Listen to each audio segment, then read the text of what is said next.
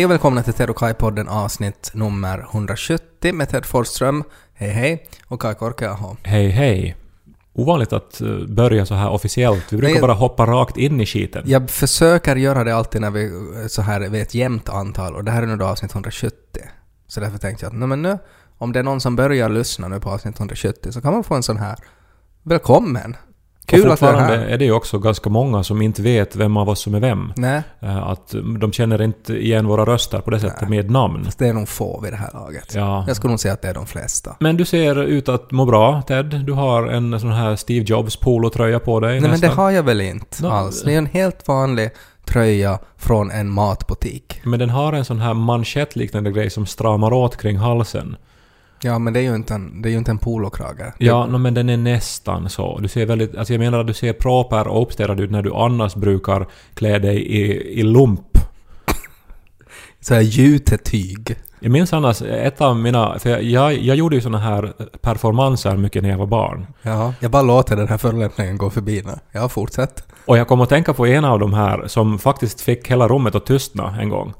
Eh, Alltså vi, en av dina performanser som barn. ja, Ja. och eh, det var väl så att vi hade någon sorts uh, julfest som vi ofta hade så att mamma bjöd in sina syskon och de hade med sig sina fruar och, och äkta män och sen så, så satt de Var det där... någon sån här mormonsläktingar det då? Nå, och så så, polygamister? Vi var annars inte jättenära våra släktingar, men Nej. alltid en gång i året så bjöd mamma hem dem till, till oss och så satt de där och pratade. Mm. Ja. Ta med alla era fruar och äkta män. Ja, men vad heter det? Fruar och, och män förstås? Ja, ja, men det lät bara som att, att personerna har flera av alla sorter. Nå, ja. Men det är ju modernt. Till saken hör då att vi har ett sånt här badrum då med en bastu och där så fanns det på golvet en trasa. Mhm. Under hela min uppväxt, en trasa. Som vi, vet du, när man kommer ut ur duschen, Ja. innan man går ut i resten av huset, så Mm. ställer man sig på en trasa. Och eh, den, alltså faktiskt, jag har ett minne, ett tydligt minne av hur den här trasan ser ut och att den fanns där i kanske 8-9 år. Alltså Mm. från att jag är så liten att jag har mina första minnen tills jag är över 10. Det låter ju som att det var en hemskt viktig trasa för dig. Nej men vet du, när man var liten så hade allt en eh, betydelse och det fanns Mm. liksom...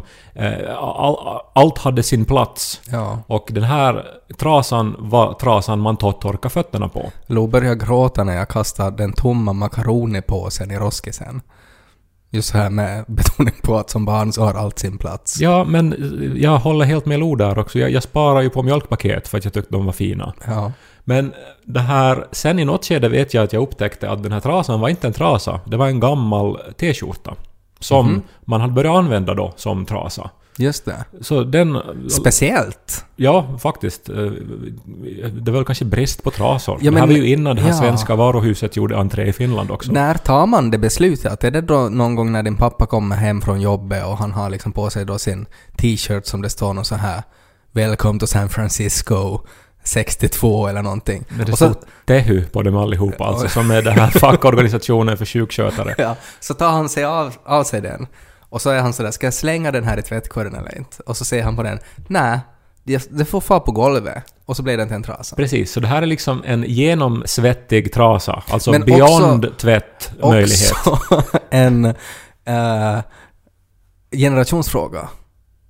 För du eller jag skulle väl aldrig ta det beslutet att vi skulle använda klädesplagg som någon sorts trasa. Nå, vi har gjort det nu när vi har en sån här träbänk som vi måste olja. Så då alltid om det är någon skjorta eller ett par boxar som vi inte längre använder, som är trasiga, så då använder vi det som en sån här oljetrasa för Mm. Men att gör glida ni det in. faktiskt? Eller gör, gör ni det på något sätt för att det är sådär lite hipstermysigt och Ernst Kirchsteiger också att göra så? Man måste olja in sin, sin köksbänk, annars så Ja. förstörs den. För att Blir den det är- någonting sexuellt också att ni använder ett par designboxers Nå, till det? ibland så, vet du, så, så är det så här att Niko, ska vi olja liksom bänken? Och sen bara ja men vi har inga trasor. Så tar jag honom och drar honom mot mig. Och så sliter jag av halva hans t-skjorta.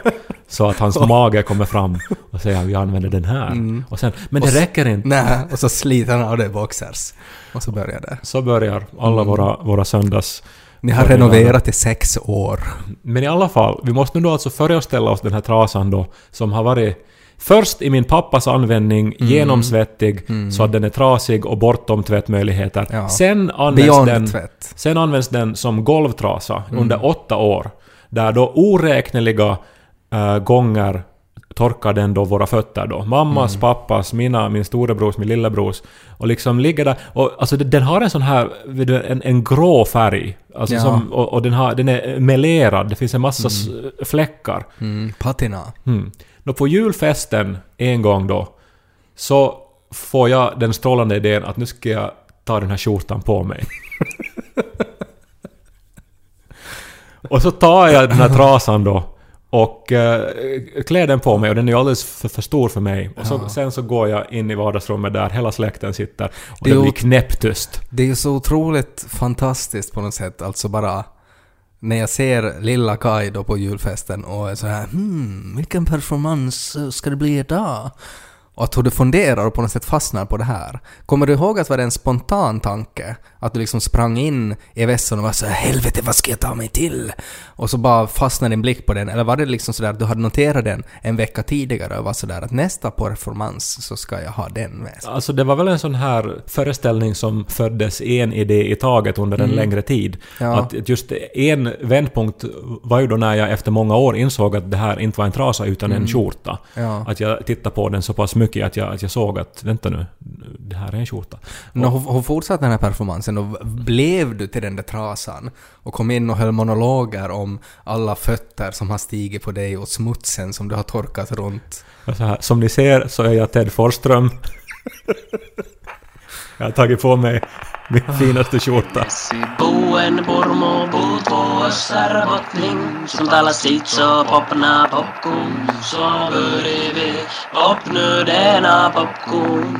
vi vi lys på Ted och Kai Men det är, ju, det är ju ögonblick som skapar ens liv. Att man minns ju vissa saker. Man har ju levt nu 36 år.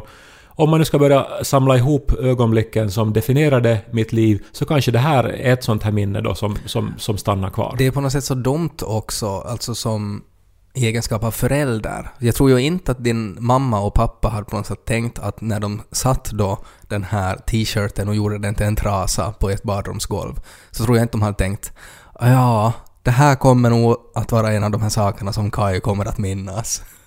Utan att, att när man har ingen kontroll över vilka fucked up grejer som stannar kvar i barnets minne. Det, det, alltså jag blir crazy ibland när jag tänker på det. Eh, när, när man bara gör någonting dumt och så, så är Lo där och observerar det och så kan man tänka sig att ja, det där kommer han att minnas nu resten av sitt liv. Ja, jag har börjat märka det här med Lone också när han faktiskt minns grejer som man har sagt och som man har lekt. Mm. eh, Alltså flera månader efteråt. Och då måste det betyda att det här har stannat kvar i honom Ja, och kanske sak. kommer att stanna kvar i honom. Att han kommer att minnas någon fras Ja. hela sitt liv. Och så gör man så dumma saker hela tiden med honom. Men det är någonting, det, det är liksom, jag menar barndomsamnesi existerar ju, det heter ju faktiskt det. Liksom att man glömmer det mesta från barndomen. Eh, men att, att vissa saker bara på något sätt blir jätteviktiga. Ja, eh, men jag tänker ändå på det här uttrycket livet passerar revy, som ju man säger ibland ofta när det handlar om nära döden-upplevelser. Jag visste inte att alla dessa dagar som kom och som gick var själva livet. Ja, eller det en sån här grej som mamma har på kylskåpet? som är så gammal, hur kan tant vara så glad? Nu vet jag inte. lever, jag älskar, jag kämpar. Mm. Rösta på SFP. Det var liksom allt, allt vad som stod på vår anslagstavla tror jag.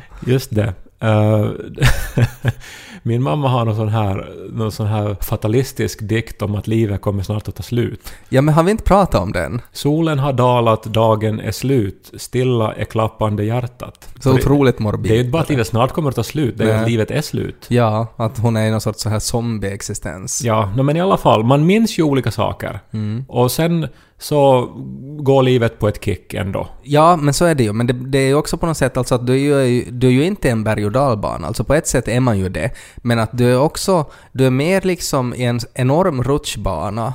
En sån här vattenrutschbana så att den har ibland liksom toppar och dalar. Men det får ändå bara snabbare och snabbare neråt hela tiden. För det är ju det som är det sjuka med tiden. Alltså att den börjar ju gå snabbare. Det är ju också, tror jag, väl så här psykologiskt bevisat. Alltså att som barn så, så upplever man att, att tiden äh, går långsammare än vad den gör. För att man baserar den alltid på ens erfarenheter som man haft tidigare. Ja, nu tänker jag ju genast på filmen Interstellar som ju är den bästa filmen som handlar just om, om eh, hur snabbt tiden går och hur, hur, hur, hur, hur kört det här är. Mm. Men där är de ju också på en annan planet där tiden går annorlunda. Ja, men allt det här passar som hand i handske ihop med, med den här veckans stora upplevelse nu då. Jag eh, tillbringar mycket tid på såna här eh, rymdkanaler på YouTube där jag eh, sitter ofta då studerar en planet i taget och, och, och sen så handlar det ibland om, om, eh, om tidsförskjutning och Einsteins ekvationer och, och så vidare. Men nu var det då, eh, rubriken var att a timelapse of the eh, future. Alltså en uh, timelapse video. Det var ju någonting som blev populärt när eh, internet kom. Timelapse har väl nog funnits ganska länge men... Men att människor eh, började ta vet du, en eh, selfie per dag i Mm. 13 år. Och så såg man då, när de här spelades efter varandra, hur Mm. människan åldrades. Det senaste timelapse-videon jag har sett var någon som vattnade en blomma och så har de gjort en timelapse och den liksom fick stånd i alla sina blad. Och det var mäktigt tyckte jag. Sen medvetet valde jag att inte vattna mina blommor efter det som någon sorts konstig... Homofobisk reaktion.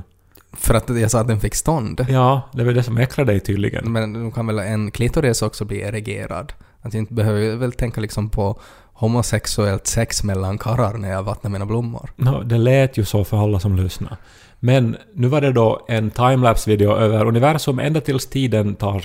Eller ända tills universums slut. Alltså vad vi kan utgående från den vetenskap och hade de- kunskap som finns idag. Vad vad vad hade de filmat?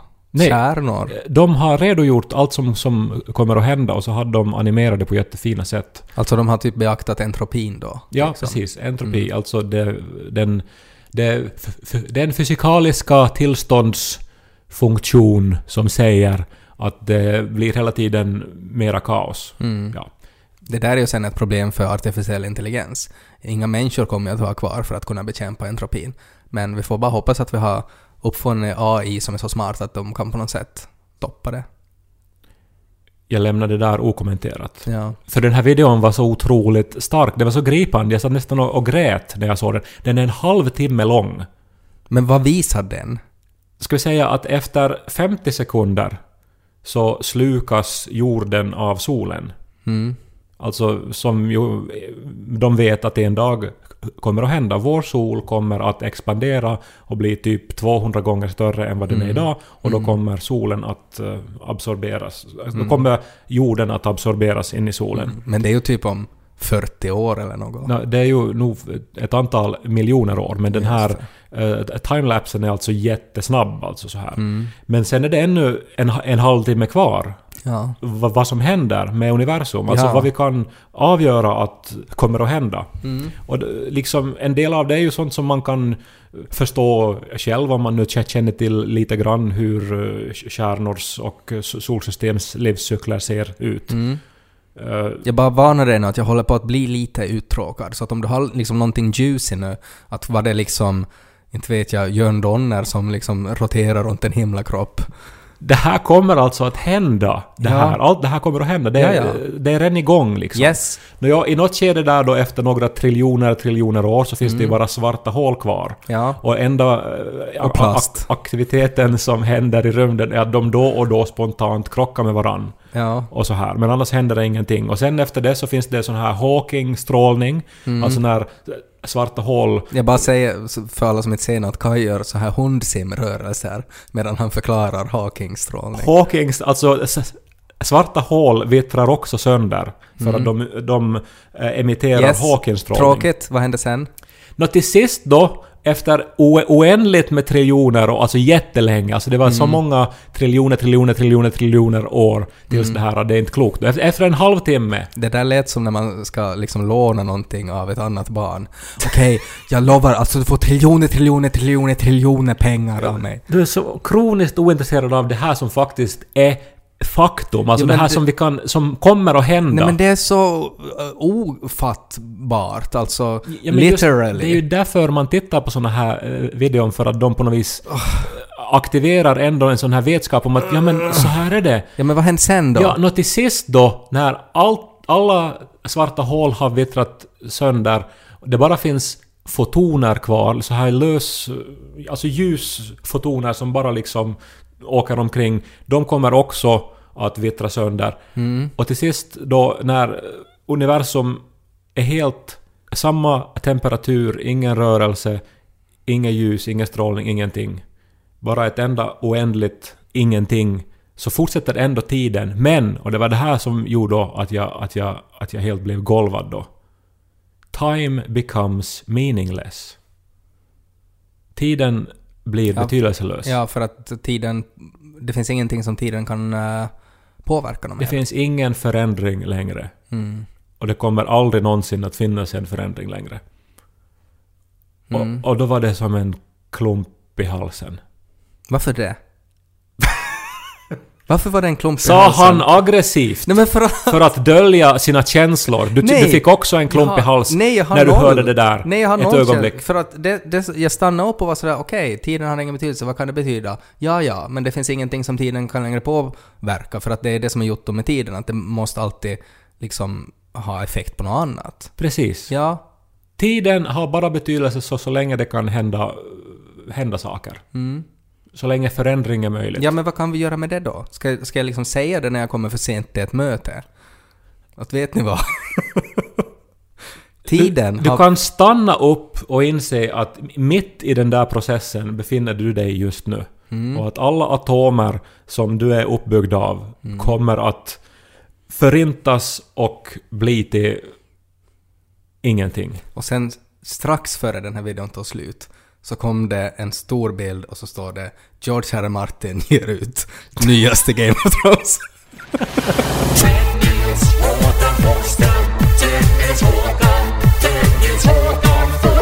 På tal om George R. R. Martin. Ja, det är ju nära nu. Nå, det är riktigt nära. Och faktiskt, igår så kom det första avsnittet av Game of Thrones-podden.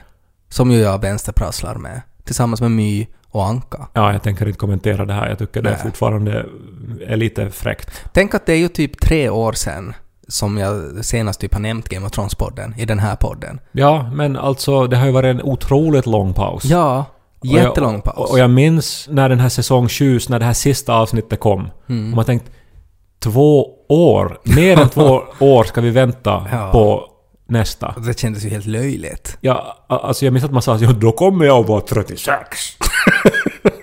ja, jag tänkte att man hade liksom långt vitt skägg. Typ. Och, precis, och liksom nu, nu, nu är vi här. Mm. Och eh, det är ju nog för långt uppehåll. För att alla har ju tappat intresset. Så är det. Eh, men intresset växer ju nog genast. Alltså det är ju som, som att, att ha ett sår på något sätt och så, så har man liksom en sårskorpa och så, men så är det bara liksom att dra bort det och så gör det lika ont igen. Eh, det som ju jag tänkte då, just då för, för två, tre år sedan, så var ju att oj, nej men åtminstone då så måste jag nog ha läst den nyaste boken.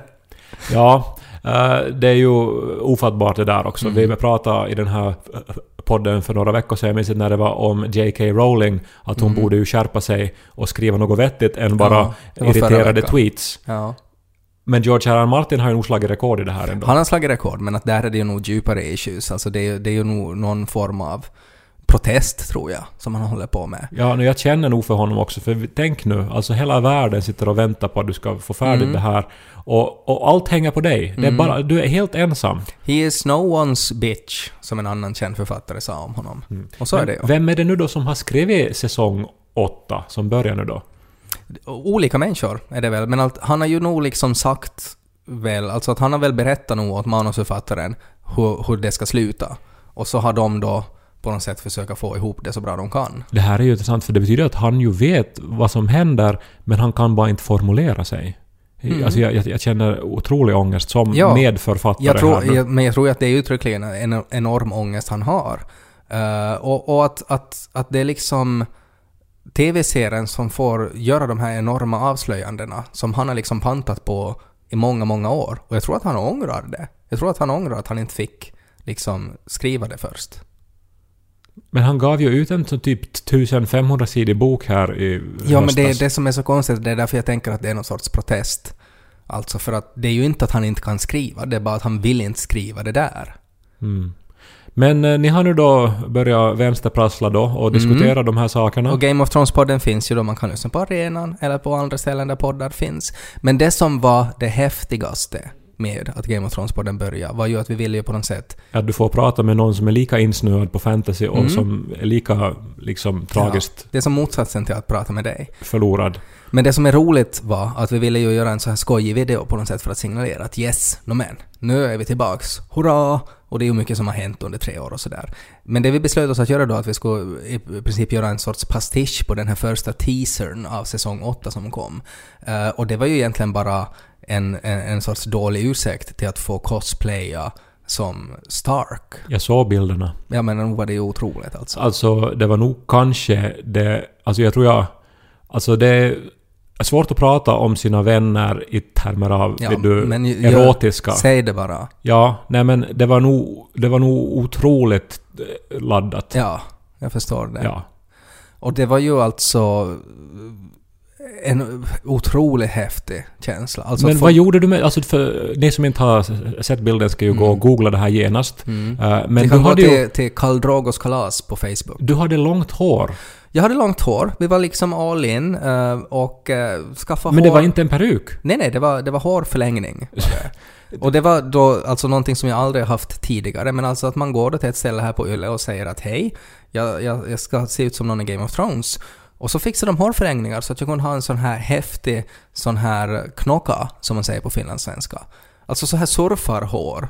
Bohemiskt. Du vet väl att det är alltså riktigt människohår som de har köpt från fattiga människor Mm. på landsbygden i Ryssland? Det var faktiskt ett krav åt frissan som jag sa, att, att jag skulle gärna se bilder av de här utnyttjade barnen vars hår de har rakat för min skull.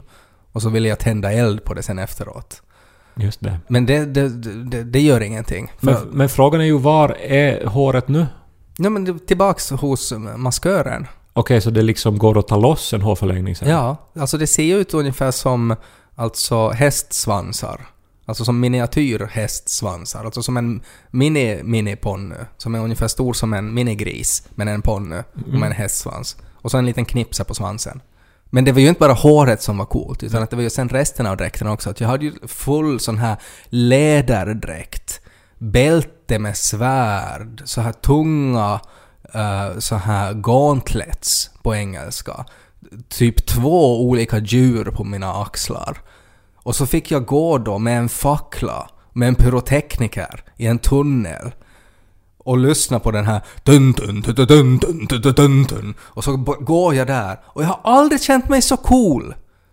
Och jag vill alltid se ut sådär. Jag ville ju inte klä av mig de där kläderna sen i efterhand. Sen fick jag ryggskott för att jag var, den där manteln var så tung och jag var tvungen att spänna mig så mycket så att den inte skulle rasa av mina alltför klena axlar. Eh, men känslan efteråt var att när jag, när jag tog av mig det där så var det liksom sådär som att att, att, att jag, jag klädde av mig liksom ett, ett ljus ur mitt liv. Men du menar att du kände dig då när du gick där som en Stark? Ja, alltså, på något att du, alltså, du gick in i rollen? Ja, jag kände mig som att men så här vill jag leva nu. Under jorden i ett så här kallt men ändå fuktigt ställe med en fackla och klädd i döda djur. Och att jag på riktigt har börjat överväga nu att, ja men är det det här som är liksom tjusningen i cosplay? Alltså att det är ju ändå konstigt eftersom jag är ändå så pass nördig att jag går igång på så många grejer som innefattar cosplay. Liksom att jag, jag, jag både liksom spelar, jag uppskattar fantasy och allting. Allt sånt som människor som sysslar med cosplay, men jag har ändå aldrig gjort det. Men nu inser jag tjusningen. Det var ju en otrolig känsla av makt, liksom. Att jag var ju så otroligt tuff. Och tänk när vi fick gå där på Yle, få liksom att köpa kaffe och så går vi där liksom Sansa i samlad trupp liksom Sansa och Arya och John. Så går, alltså folk liksom stannar ju och tog foto av en. För vi såg så jävla coola ut. Ja, men, men jag, alltså, jag tycker ju att det som man nu tar hem från det här är ju att dels att du klär i långt hår, Mm. vilket är överraskande. Jag har ju, minns att du hade långt hår för jättelänge sedan. Ja men jag har aldrig så där långt. Nej, och, och sen också att idag skulle du kanske ha det på ett annat sätt liksom. Mm. eh, mera så som det såg ut på de här eh, bilderna. Mm. Och för det andra, du har ju såna här alltså The North-drag. Alltså du liknar ju en Stark. Nå, alltså problemet var ju att tanken var ju att jag skulle se ut som Jon Snow. Eh, men att jag såg ju ut som Ned Stark, Ja. kusin från landet. kanske lite mera. Men att det, liksom, det var good enough för mig.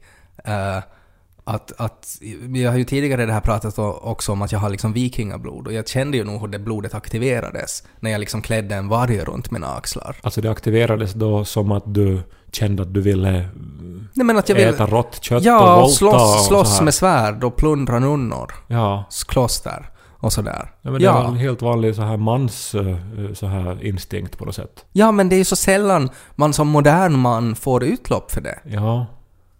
Att jag bara så här rekommenderar allihopa att klä er i, liksom klä ut, cosplaya som Game of Thrones-karaktärer och gå omkring med facklor. Det är ganska skönt. Kai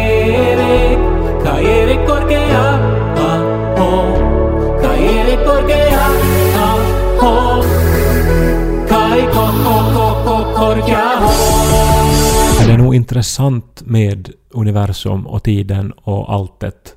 Och att vi är på väg mot en evig ingenting. Ja, men då, du kommer ju aldrig att uppleva det. Och att det förmodligen har hänt förr.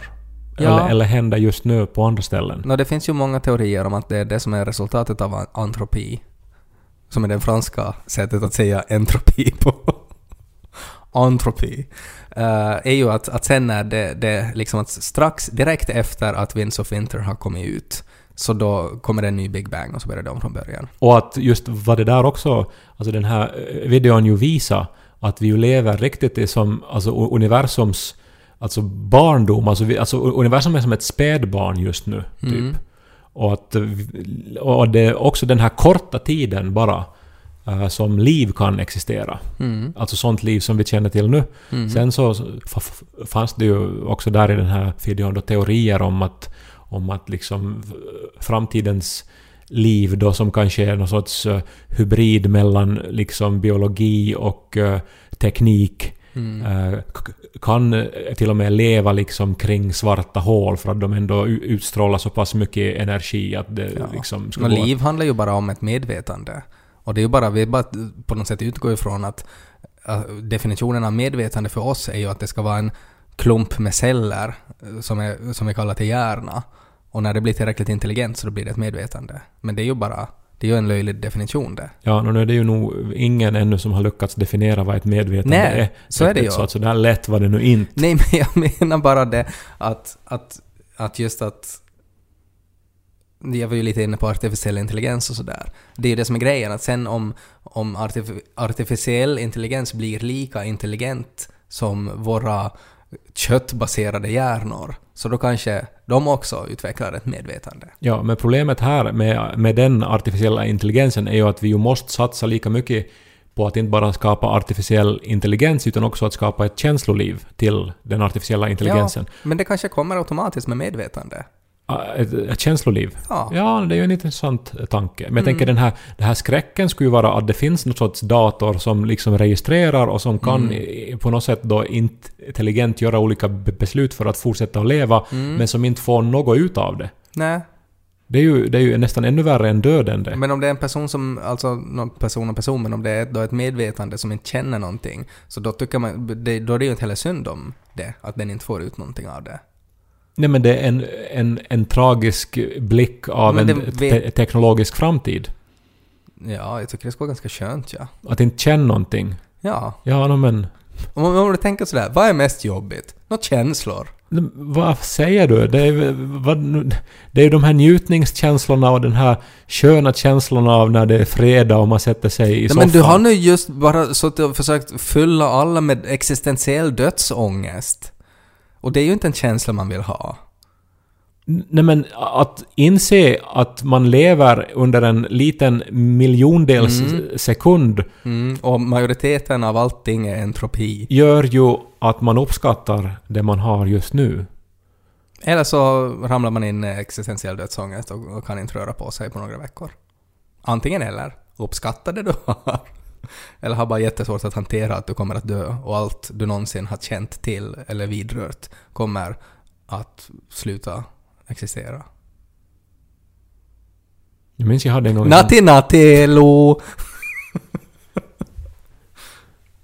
Jag har faktiskt tänkt lite på godnattsagor. eh, och jag har övervägt att om jag borde börja skriva sagor.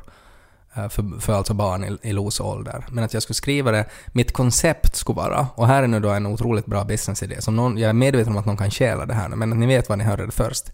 Att jag skulle skriva en helt traditionell saga med illustrerad bild i mitten. Och under bilden så skulle det stå vad som händer. Typ något i stil med att det är någon snigel som ska få till verkstaden eller någonting och träffa någon kanin. Uh, och så står det på så här språk som Lo förstår. Men ovanför den där bilden så skulle det vara skrivet med lite annan font och annan färg. Och så skulle det vara liksom skrivet för föräldrarna. Som skulle vara samma story, men att det skulle vara så där otroligt vuxet och brutalt. Att där skulle det vara, det, under bilden så skulle det stå sådär att men hej herr snigel, ska du köpa en bil? Men så ovanför bilden så ska det stå men för fan snigel, är du här igen ditt satan? Och sånt. Och att det skulle vara liksom underhållande eftersom du läser den där samma jävla sagan varje satans kväll. Så skulle det vara kul att som vuxen så skulle man få liksom läsa det där tyst för sig själv och sen läser man den där andra sagan under bilden. Men skulle inte barnen börja fundera då att vad är, vad är det pappa skrattar åt här nu då? Ja men då hittar man på någonting. varför, har, varför växer det horn i pappas panna? Ja, men då säger man att det är för, för allt vad du har gjort det bara. Det är, det är bara distraktion det. Jag är ju nog på det här att jag skulle bara hitta på sagor. Jag skulle inte börja, alltså om jag skulle Nej, ha ett barn. jag är jättebra på att hitta på sagor. Los favorit just nu är... eh, ska jag berätta den åt dig? No, men Mm? nu ska vi måste ha lite sån här Kunnat musik också. Ja, vi kan ha på. Det var en gång en gädda som var jätte, jättehungrig. Lo är alltså inne i en period nu att, att gäddor är otroligt fascinerande och coola och häftiga. Andra barn har liksom tigrar, dinosaurier och sådär. Han tycker gäddor, that's the shit. Eh, så han vill alltid att det ska handla om en gädda. Det var en gång en gädda som var jätte, jättehungrig. Och hon hade ingen mat kvar. Hon hade ätit upp all sin mat, hon hade ätit upp alla kompisarnas mat, hon hade ätit upp hela butikens mat. fanns ingen mat kvar. Men så hörde gäddan ett ljud. Vad är det där? Det var en gubbe. Så var det från det här TV-programmet Hängen vaarallisesti lihava som kom och gav gäddan en sista chans. Men så hörde gäddan ett ljud. Öh, vad är det där? Och då var det en gubbe som gick med roskisen. Och han skulle föra den i en sopcontainer. Och gäddan har aldrig sett en sopcontainer förr. Här brukar Lo skratta, för att han tycker att det är så ofattbart att man inte har sett en sopcontainer tidigare. Så gäddan simmade dit och såg att mannen satte roskisen in i containern. Gäddan tänkte jag skulle vilja äta det där skräpet. Här brukar Lo också skratta. För man kan ju inte äta skräp. Det är liksom barnhumor 101. Säg saker som barnet vet inte stämmer. Ja, inte det är bröderna Grimm så här långt inte. Gäddan bestämde sig för att gå in i sopcontainern. Och gäddan simmade in i sopcontainern och vänta. Tyst, vänta riktigt, riktigt tyst. Då hörde gäddan samma ljud igen. Det är en annan gubbe som ska komma med skräp. Så gäddan gapade allt vad den kunde. Och så öppnade mannen luckan och så kastade han roskisen rakt in i munnen på gäddan och gäddan åt upp den. Nam, nam, nam, nam, nam, nam, Mm. skratt igen. Och så här fortsatte gäddan. Och det kom bara mer och mer gubbar med mer och mer roskis och gäddan bara åt och åt och åt och åt. Tills gäddan blev riktigt, riktigt mätt. Och då sa gäddan Oj, jag har så ont i magen. För där var ju vassa stenar och glas och allt möjligt så här drogattiraljer i de där roskisarna som man inte ska äta. Så gäddan måste fara till sjukhuset. Och endoskopi. Nej, gäddan måste fara till Två sjukhus. meter slang trommades. Gäddan måste vara till sjukhuset och få en bedövningsspruta. Här brukar Lo ibland fylla i och säga i snoppen och skratta. Men inte varje kväll. Bara ibland. Just det. Jag uppmuntrar det alltid när han säger det. Och så fick gäddan en bedövningsspruta och så sa doktorn ajabaja gäddan, du ska ju inte äta skräp. Nej, sa gäddan. Och så får gäddan hem och sova. Men det måste ju vara no något twist här nu. Att Nej, det, är, händer det är ingen twist. Jag har provat med twistar, men det, det, är liksom, det är inte riktigt hans grej. Det ska vara ganska straight forward. Han är inte liksom, han gillar inte så här M. Night Shyamalan-twistar. Och gäddan var du hela tiden Lo. Det ska vara, det ska vara väldigt Nej men det borde ju ha stannat kvar där i alltså i själva containern och för att, för att det är ju det här då att Keddan liksom vill ha mer och mer och tror nu då att hen har liksom överlistat systemet. Så borde Mm. det komma någon sorts moral där då. Nej men moralen är att du ska väl för helvete inte äta skräp. Ja men det är ju jättekonstigt att en gädda simmar in i någon sorts undervattensroskis också. Ja. De kastar... Ja men den här gäddan går på torra land. Ja, nå... Inte vet jag. De hade ju nog att efter nio att Fredrik Foro skrev en barnbok. Han, handlar den om gäddor? Nej men... eh, Hollywoodgäddor! Jag vet vad det här är? Det här är sagoshaming som du sysslar med. Nej, jag säger bara så här att den dag jag har ett barn som jag ska natta så kommer jag sätta på såna här timelapse-videor av universum, av, av jorden. Du, alltså det finns, för, det, för det finns allt möjligt. Liksom, så får liksom barnet se, för det är ju också väldigt hypnotiskt, och, och sen så lär sig barnet någonting om existensen och om sin plats och allting. Alltså hellre det än någon sån här Alltså, någonting bara så att man sen kan avsluta och säga Och vet du vad Lo? Det här är sant. Det här kommer att hända. Så i din version av den här Min saga så skulle gäddan ha blivit kvar där i containern tills solen skulle ha liksom tagit över jorden och ingenting skulle ha funnits kvar och gäddan skulle ha bara varit där i containern tills det bara var svarta hål och hakens strålning tills det inte fanns något mer som tiden kunde påverka. Och det är sant, Lo. Mm. Snipp, snapp, snut. Det här är en Svenska Yle-podd.